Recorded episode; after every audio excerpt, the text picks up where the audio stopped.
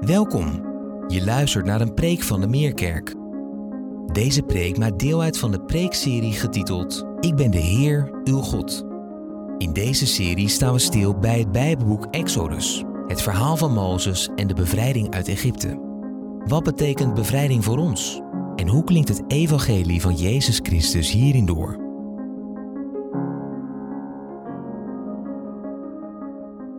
We willen graag met elkaar lezen uit Exodus 40 vanaf vers 16. Dus als u een Bijbel mee heeft, pak hem er vooral bij. Exodus 40 vanaf vers 16. En ik lees uit de NBV 21. Mozes deed alles wat de Heer hem had opgedragen. In de eerste maand van het tweede jaar, op de eerste dag van de maand, werd de tabernakel opgebouwd. Mozes liet de voetstukken voor de tabernakel plaatsen. Hij liet de planken erin zetten, de dwarsbalken aanbrengen en de palen oprichten. Over de tabernakel werd de tweede tent gespannen en daaroverheen werd de buitenste tentkleden gelegd, zoals de Heer Mozes had opgedragen. Hij legde de verbondstekst in de ark, bevestigde de draagbomen aan de ark en legde de verzoeningsplaat erop. Hij zette de ark in de tabernakel en hing ter afscherming van de ark met de verbondstekst het voorhangsel op, zoals de Heer hem had opgedragen. Hij zette de tafel aan de noordkant van de tabernakel, de ontmoetingstent, voor het voorhangsel, en schikte daarop het brood, ten overstaan van de Heer, zoals de Heer hem had opgedragen. De kandelaar zette hij aan de zuidkant van de tabernakel, tegenover de tafel. En hij stak de lampen voor de Heer aan, zoals de Heer hem had opgedragen. Het gouden altaar zette hij voor het voorhangsel in de ontmoetingstent. En hij brandde er geurig reukwerk op, zoals de Heer hem had opgedragen. Hij hing het gordijn voor de ingang van de tabernakel zette het brandofferaltaar bij de ingang van de tabernakel, de ontmoetingstent, en bracht daarop het brandoffer en het graanoffer, zoals de Heer hem had opgedragen. Tussen de ontmoetingstent en het altaar plaatste hij het wasbekken en hij vulde het met water. Daarmee moesten Mozes en Aaron en zijn zonen hun handen en voeten wassen voordat ze de ontmoetingstent binnengingen of het altaar naderden. Zo had de Heer het Mozes opgedragen. Hij schermde de ruimte rondom de tabernakel en het altaar af en hij hing voor de ingang het gordijn op. Zo legde Mozes de laatste hand aan het werk. Toen werd de ontmoetingstent overdekt door een wolk en werd de tabernakel gevuld door de majesteit van de Heer. Mozes kon de ontmoetingstent niet meer binnengaan, want de wolk rustte daarop en de majesteit van de Heer vulde de tabernakel. Zolang hun tocht duurde, trokken de Israëlieten pas verder wanneer de wolk zich van de tabernakel verhief. Wanneer de wolk niet opsteeg, trokken ze niet verder. Ze wachten tot de wolk weer opsteeg. Zolang hun tocht duurde, rustte overdag de wolk van de Heer op de tabernakel. S'nachts verscheen er een vuur in, dat voor alle Israëlieten zichtbaar was. Tot zover.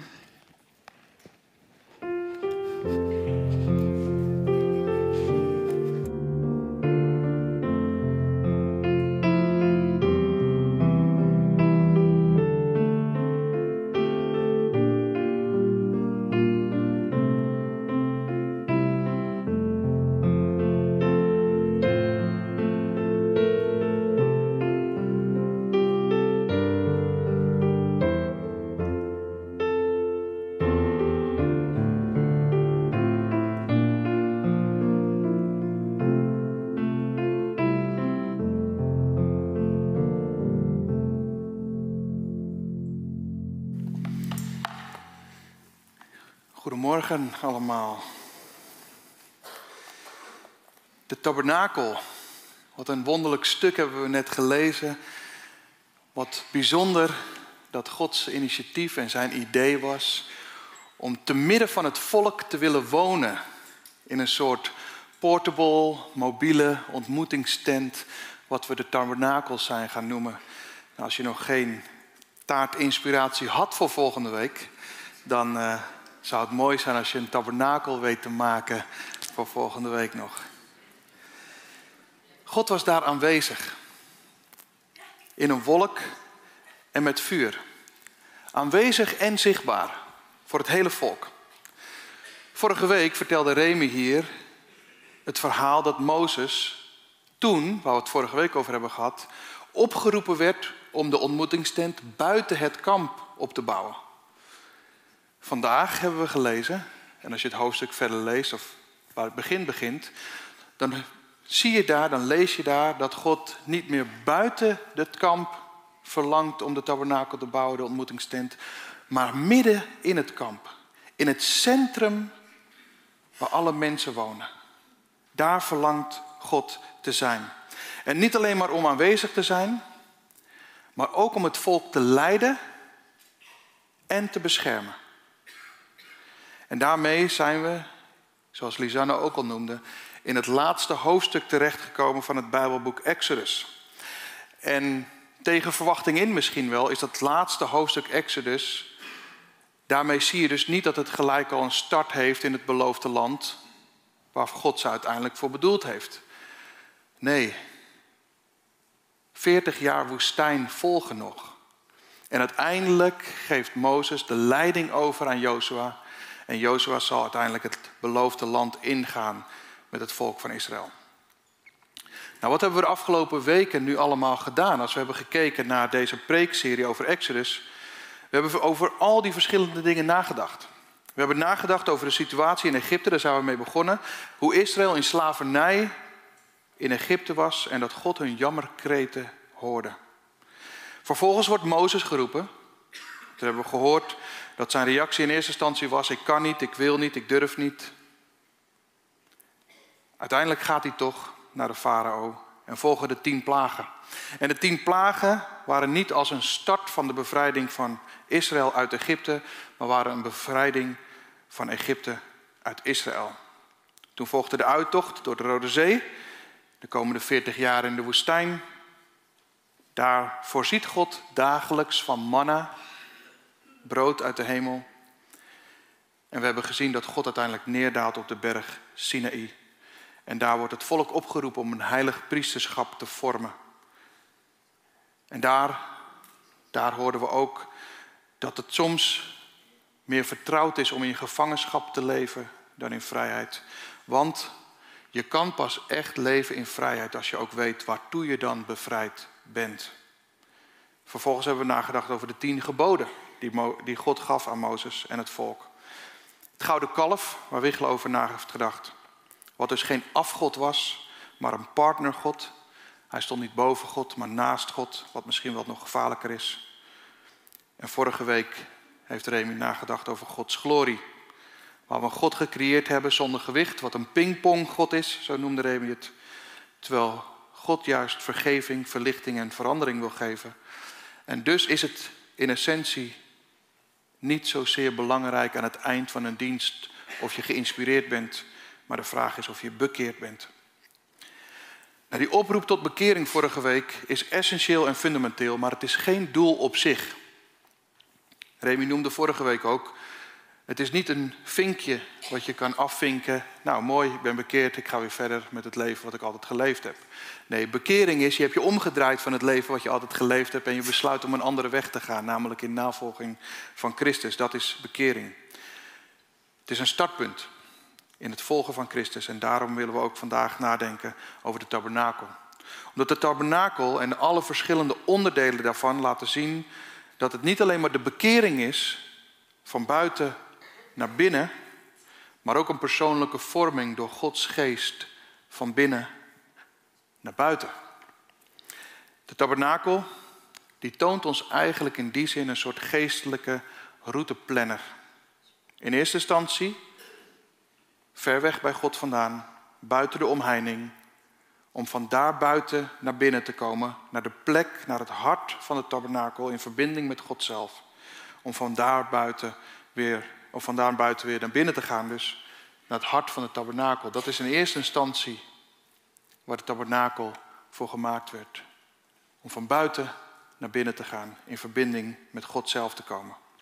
Nou, laten we kijken hoe die tabernakel uiteindelijk is opgebouwd. Want alles wat Lisanne net genoemd heeft, kan me voorstellen dat het zoveel informatie is. En misschien helpt het om wat plaatjes erbij te hebben. Dus we hebben een aantal foto's van hoe die tabernakel nou er precies uitzag. En de eerste foto die we zien is een bovenaanzicht van tabernakel.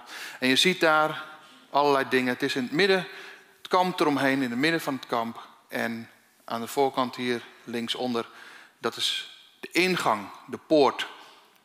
Nou, als we dan vervolgens daardoor naar binnen gaan, we gaan door die poort naar binnen, dan komen we op het voorhof terecht. En in het voorhof vinden we ook weer twee elementen, twee onderdelen.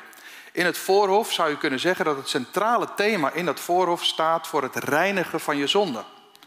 Het brandofferaltaar, wat je hier ziet, daar moest een plaatsvervanger sterven voor de vergeving van zonde.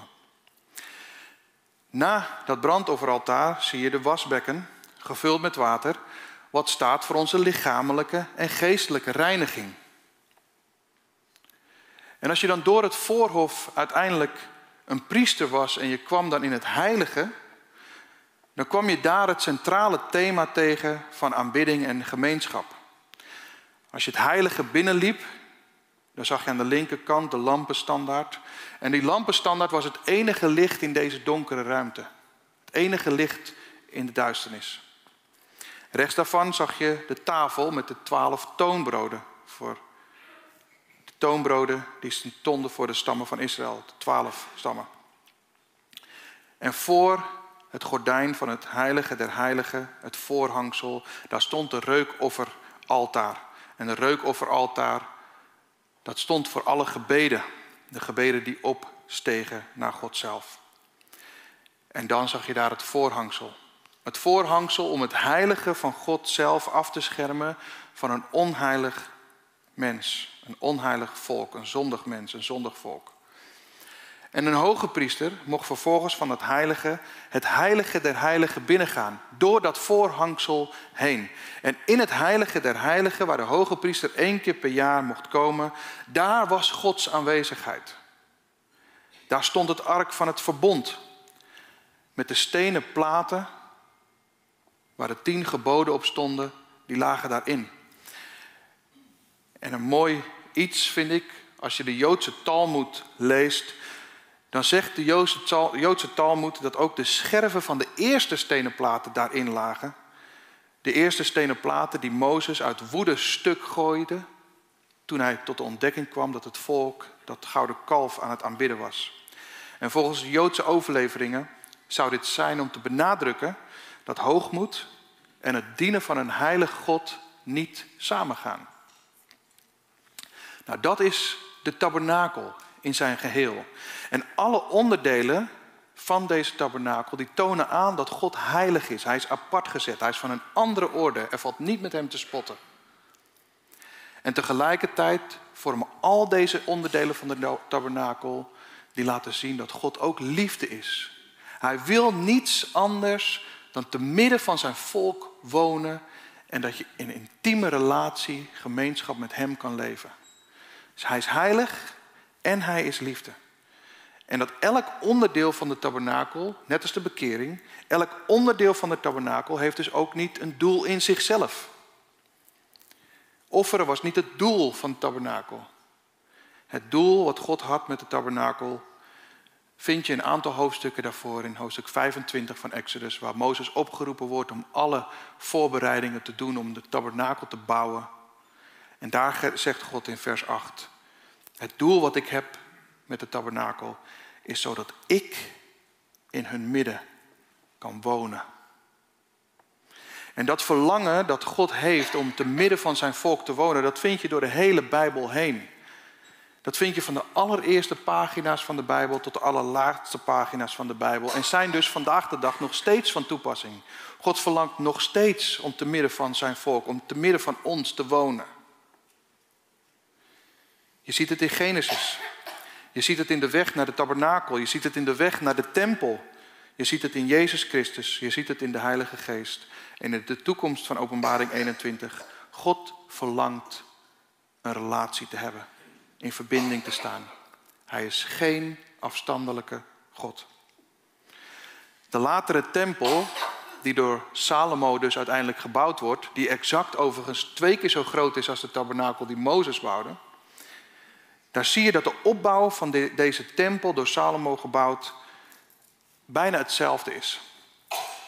Die tempel heeft ook een voorhal als het voorhof. Die tempel heeft een grote zaal als het heilige. En die tempel heeft het allerheiligste, zoals het heilige der heiligen. En de opbouw van de tempel van Salomo kan je lezen in 2 Kronieken, hoofdstuk 3, als je dat zou willen. Maar de tabernakel zien we ook terug in de persoon Jezus Christus zelf. De tabernakel is een schaduwbeeld van Jezus en zijn verlossingswerk. Remy noemde vorige week dat Bijbelgedeelte uit Johannes 1, vers 14, waarin hij zei die woorden die daar geschreven staan. Het woord is mens geworden en heeft onder ons gewoond. Dat onder ons gewoond, dat is hetzelfde woord als getabernakeld. Het woord is mens geworden en heeft onder ons getabernakeld. Jezus is onze tabernakel. En het is zo mooi omschreven in Hebreeën hoofdstuk 10. En ik wil dat gedeelte met elkaar lezen. Om te laten zien hoe Exodus 40 uiteindelijk ook in Jezus Christus, in Hebreeën hoofdstuk 10, die parallellen, die gelijkenissen, die overeenkomsten. Laten we lezen uit Hebreeën hoofdstuk 10, vers 19. We hebben het hele beeld gezien van de tabernakel. En dan schrijft de schrijver van Hebreeën dit. Broeders en zusters, dankzij het bloed van Jezus kunnen we zonder schroom het heiligdom binnengaan. Hij heeft voor ons met zijn lichaam door het voorhangsel heen een nieuwe levende weg gebaand. En doet nu als hoge priester dienst in het huis van God. Laten we God dan naderen met een oprecht hart en een vast geloof, nu ons geweten gereinigd is door de besprenkeling van ons hart en ons lichaam met zuiver water is gewassen. Daar zien we het voorhof in. En dan schrijft de Hebreeënbrief dit. Laten we daarom ook zonder te wankelen datgene blijven beleiden waarop we hopen. Want hij die de belofte heeft gedaan is trouw. Laten we, laten we op elkaar letten en elkaar aansporen tot liefde en goede daden. En in plaats van weg te blijven van onze samenkomsten zoals sommigen doen, elkaar juist bemoedigen. En dat des te meer naarmate u de dag van zijn komst ziet naderen. Jezus is onze tabernakel. Alle elementen die je vindt in de tabernakel, die vind je terug in Jezus Christus, in wat Hij heeft gezegd, in wat Hij heeft gedaan. Als we kijken naar de poort om het voorhof op te komen. Jezus zegt over zichzelf, ik ben de deur. Als je kijkt naar het offer. Jezus, ik ben het lam dat werd geslacht voor jou. Het water. Mijn bloed reinigt jou van alle zonde. En ik ben de bron van levend water, zuiver water. Het licht in het heilige. Ik ben het licht van deze wereld, zegt Jezus. En als je in mij wandelt, zal je nooit meer in duisternis wandelen. En aan de andere kant het brood, de toonbroden. Jezus zegt, ik ben het brood van leven. Dat leven geeft. En hij nodigt ons allemaal uit aan tafel om van dat brood te eten. De aanbidding. Door mij rijken onze woorden, onze gebeden als een geur van aanbidding, de troon van God. En toen Jezus aan het kruis stierf, scheurde het voorhangsel van boven naar beneden. De toegang tot het heilige der heiligen was door zijn sterven toegankelijk. We kunnen allemaal komen in het heilige der heiligen in ontmoeting, in verbinding, in relatie, in gemeenschap met God zelf. Door mij, door Jezus Christus zelf, heeft een ieder toegang tot God de Vader in het heilige der heiligen. Want, zegt Jezus, ik ben de weg, de waarheid en het leven. En er is geen andere weg tot de Vader. Er is geen andere weg tot het heilige der heiligen dan door mij. De hele tabernakel en wat Jezus laat zien, is dat God heilig is en liefde is. Want het grootste bewijs van het feit dat God liefde is, dat vinden we in het kruis. Het grootste bewijs dat God liefde is. Kijk naar het kruis. Maar het grootste bewijs dat God heilig is, vinden we in het kruis. Als je bewijs wil voor het feit dat God heilig is, zie op naar het kruis. Zien we die goddelijke gelijkenissen. Maar het gaat nog veel verder dan dat. Het komt nog veel dichterbij. Het wordt zelfs persoonlijk. Het wordt zo persoonlijk dat we er eigenlijk niet meer omheen kunnen als we dat zouden willen. Tot hier namelijk, wat we allemaal gedeeld hebben tot nu toe, de tabernakel, de tempel, de gelijkenissen met Jezus Christus en dat Hij onze tabernakel is. Tot hier kunnen we dit allemaal nog een beetje afstandelijk beschouwen en een beetje verstandelijk aanhoren. En in het beste geval zijn we onder de indruk van de goddelijke gelijkenissen van Gods woord en zijn verlossingswerk. Maar die christelijke houding die we hebben, die we naar de buitenkant zo mooi kunnen projecteren, dat kan ook aangeleerd gedrag zijn. Dat kan ook aangeleerd gedrag worden. Dat we weten wat we moeten zeggen om indruk te maken bij die ander. Dat we weten, tuurlijk, ja, tabernakel Jezus, tuurlijk, ja, ik weet het je allemaal te vertellen. Kan aangeleerd gedrag zijn, kan aangeleerd gedrag worden. Ik moet denken aan een verhaal wat ik hoorde van een man die zijn kat een trucje had geleerd. En die had een heel bijzonder trucje. Want deze kat die kon namelijk op zijn kont gaan zitten zijn handjes vouwen en die kon een brandende kaars vasthouden. In zijn pootjes. En hij hield zo lang die kaars vast in zijn pootjes, totdat hij pas te horen kreeg dat het voldoende was, dat het goed was, dat dit niet meer nodig was. En dan pakte die man het kaars weg en dan kon de kat weer kat zijn. En een vriend van hem kwam langs, want die was wel onder de indruk van het hele verhaal, maar wilde het ook zien. En die vriend had een doosje bij zich. En die vriend vroeg aan die man van, laat, laat die kat nou eens even dat trucje doen. En de kat, nou, doet zijn trucje. Hij gaat zitten, doet zijn pootjes bij elkaar. Die man steekt een kaars aan, stopt hem tussen zijn pootjes en die kat blijft zitten. En dan haalt die man haalt zijn doosje erbij. Doet zijn doosje open en er springt een muis uit.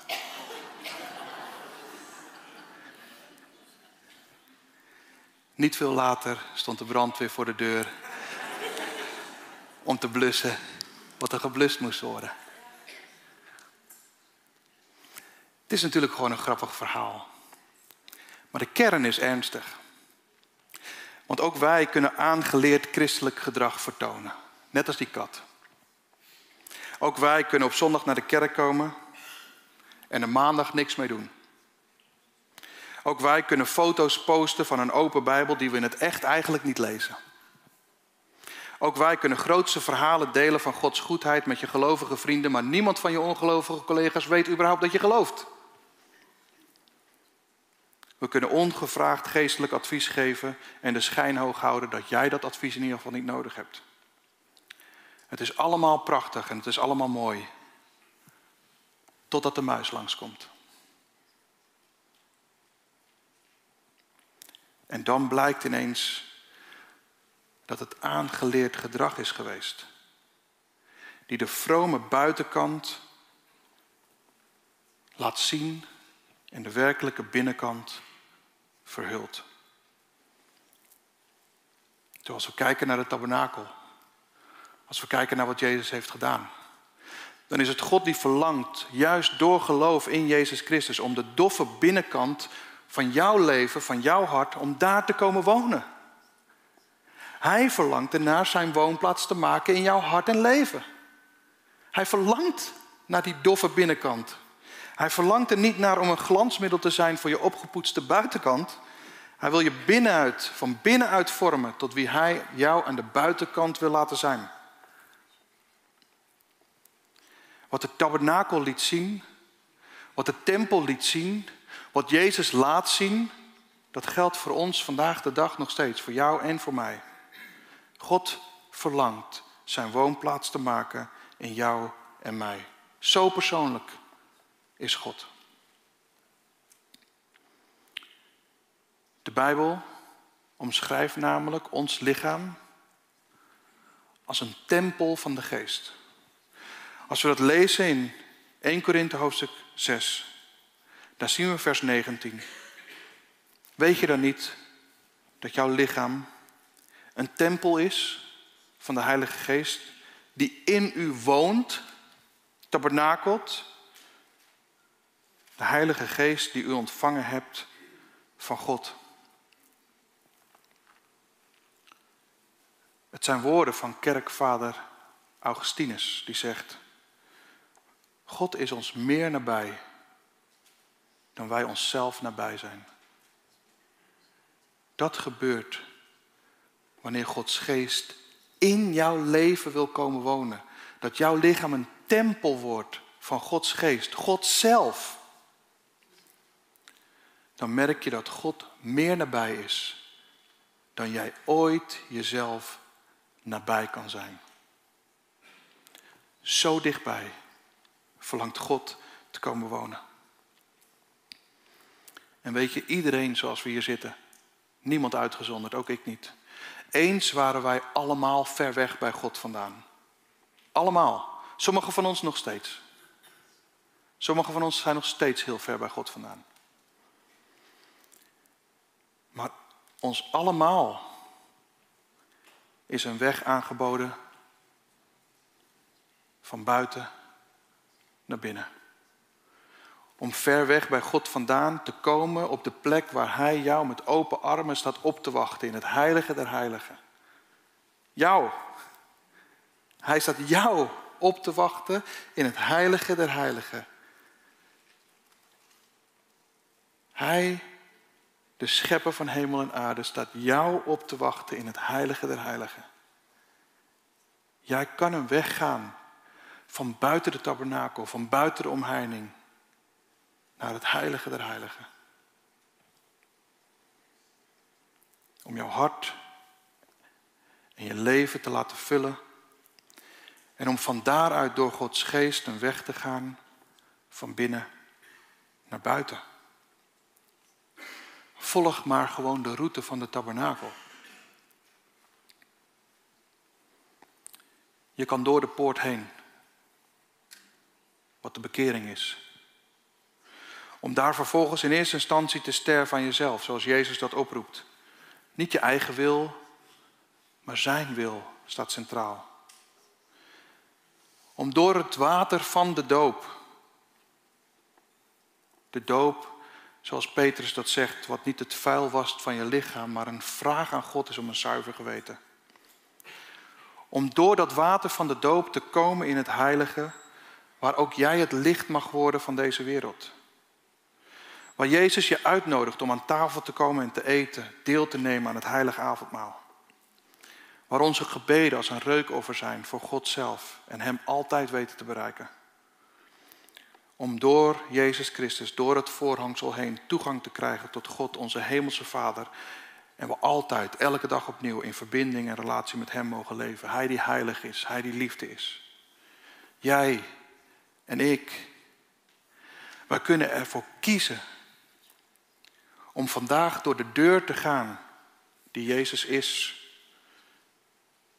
Om de weg te gaan die Jezus is. En te wandelen in waarheid, welke Jezus is. Richting het leven, welke Jezus is.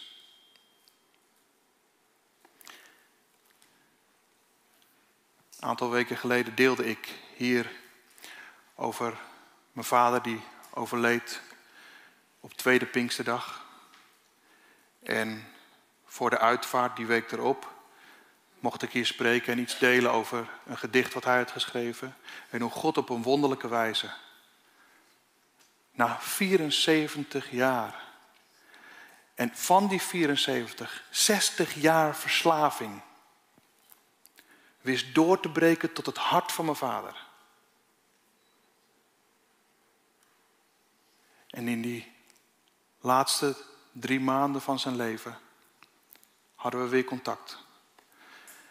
En toen de uitvaart was, een week na tweede Pinksterdag, 5 juni, toen hoorde ik daar dus allemaal dingen die verteld werden door de buurman van mijn vader, die al 16 jaar naast hem woont, die ik nooit kende. Ik hoorde allemaal dingen voor het eerst.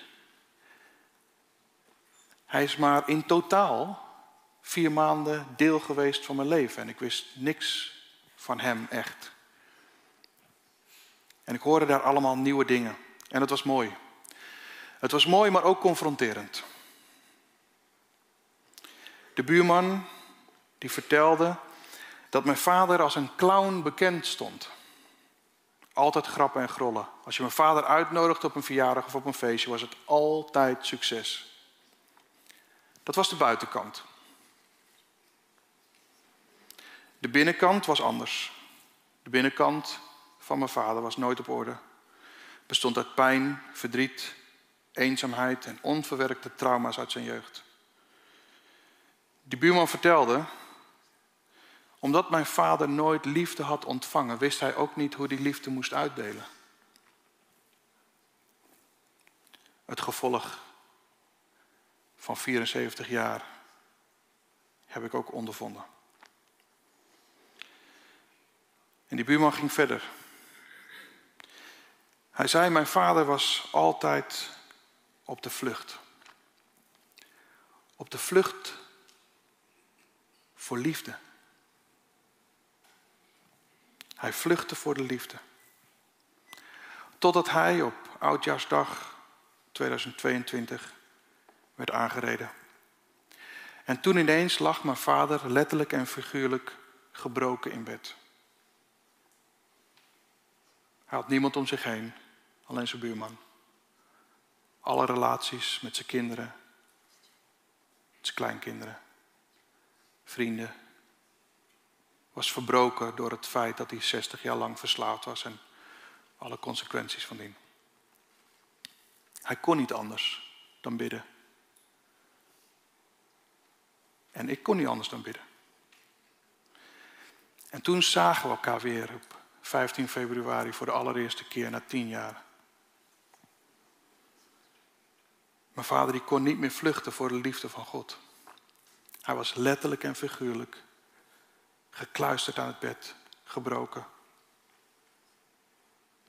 Letterlijk gebroken en figuurlijk gebroken. Maar hij kon niet meer vluchten voor de liefde van God. God bracht, ik moet zeggen op een wonderlijke wijze en door de krachtige werking van gebed, zijn kleinkinderen en kinderen allemaal weer bij elkaar. Door de kracht van gebed. Mijn vader werd ingehaald door de liefde.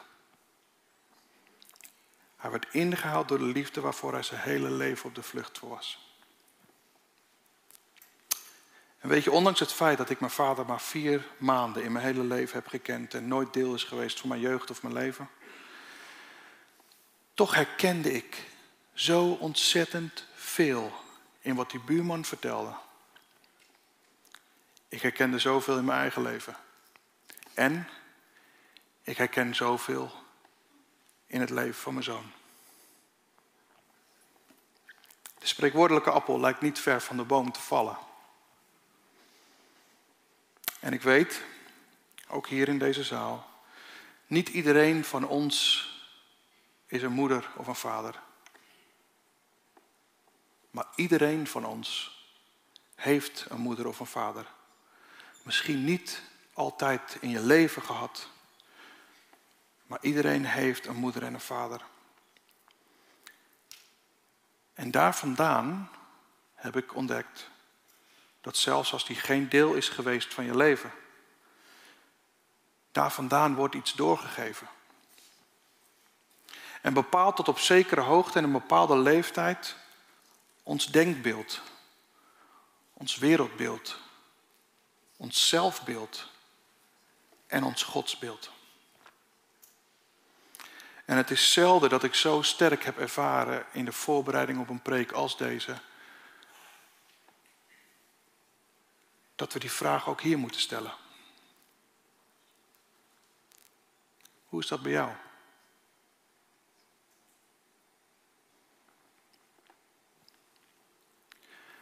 Wat heb jij meegekregen?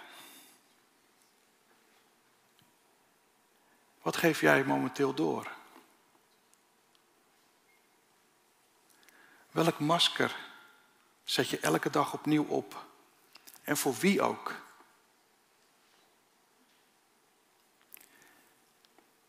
En op welke plek, op welke plek in je leven heb je de vrijheid om het masker af te zetten?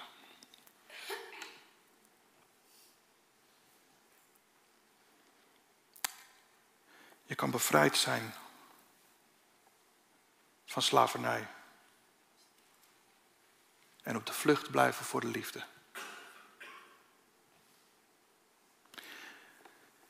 Reflecterend op mijn leven, zeker de afgelopen dagen, de afgelopen weken, blijf ik toch boven alles dankbaar. Dankbaar voor het grootste wonder wat een mens ooit kan overkomen. Een ieder mens.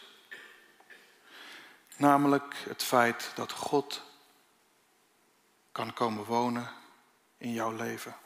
Door geloof in Jezus Christus. Uit genade. Dat feit heeft mijn vader veranderd. Heeft mij veranderd. En heeft iedere wedergeboren christen veranderd. En dan kan je vluchten voor de liefde.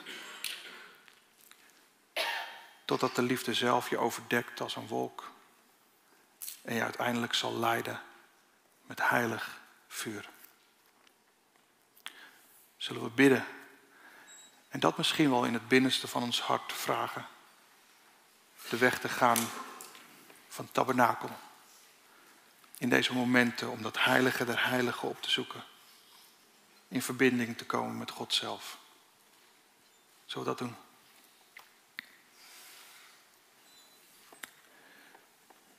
Heer. Heer, wat werkt u op wonderlijke wijze. Als ik gewoon deze zaal binnenkijk en mensen zie. Er zijn er zoveel mensenlevens die ik persoonlijk ken en weet welke weg ze zijn gegaan om uiteindelijk te komen tot de kern van hun bestaan, namelijk bij uzelf. Zoveel mensen die hier voor me zitten zijn er weggegaan en hebben in de doop getuigenis afgelegd van waar u ze heeft geraakt. Van waar ze eindelijk een plek hebben gevonden waar ze het masker af kunnen zetten, wat ze de hele week opdragen. Waar ze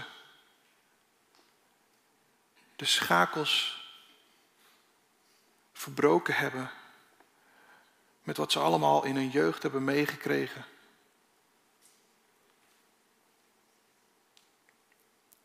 Waar ze tot de conclusie zijn gekomen niet meer langer te willen vluchten voor de liefde.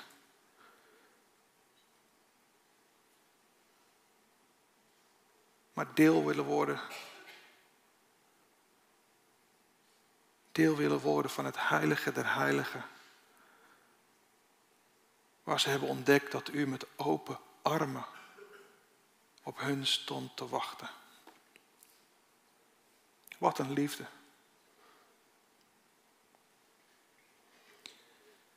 En zo willen we bidden, een moment stilte. Om zelf die weg te gaan. Misschien van buiten de omheining. Om nu, vandaag, hier, een weg te gaan door de poort richting het heilige der heiligen. Door geloof in u, Jezus Christus. Dan willen we daar een moment voor nemen. Maar misschien hebben we die intimiteit en ervaren we die intimiteit met u. En verlangt u ernaar om ons juist van binnenuit te vernieuwen naar wat u verlangt, wie we aan de buitenkant zijn. Ook daar willen we een moment stil voor worden. Om die weg te gaan. Wat zit er een rijkdom in de tabernakel? Wat zit er een rijkdom in u?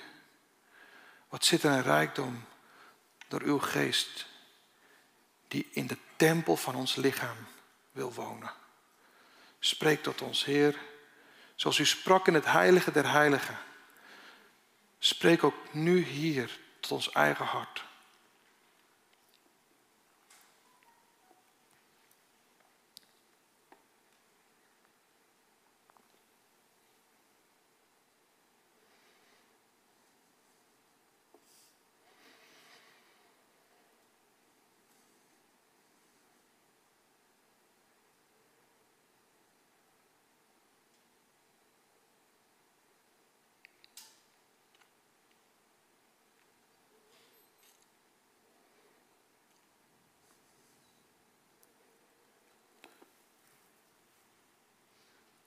Dank u wel, Heer Jezus.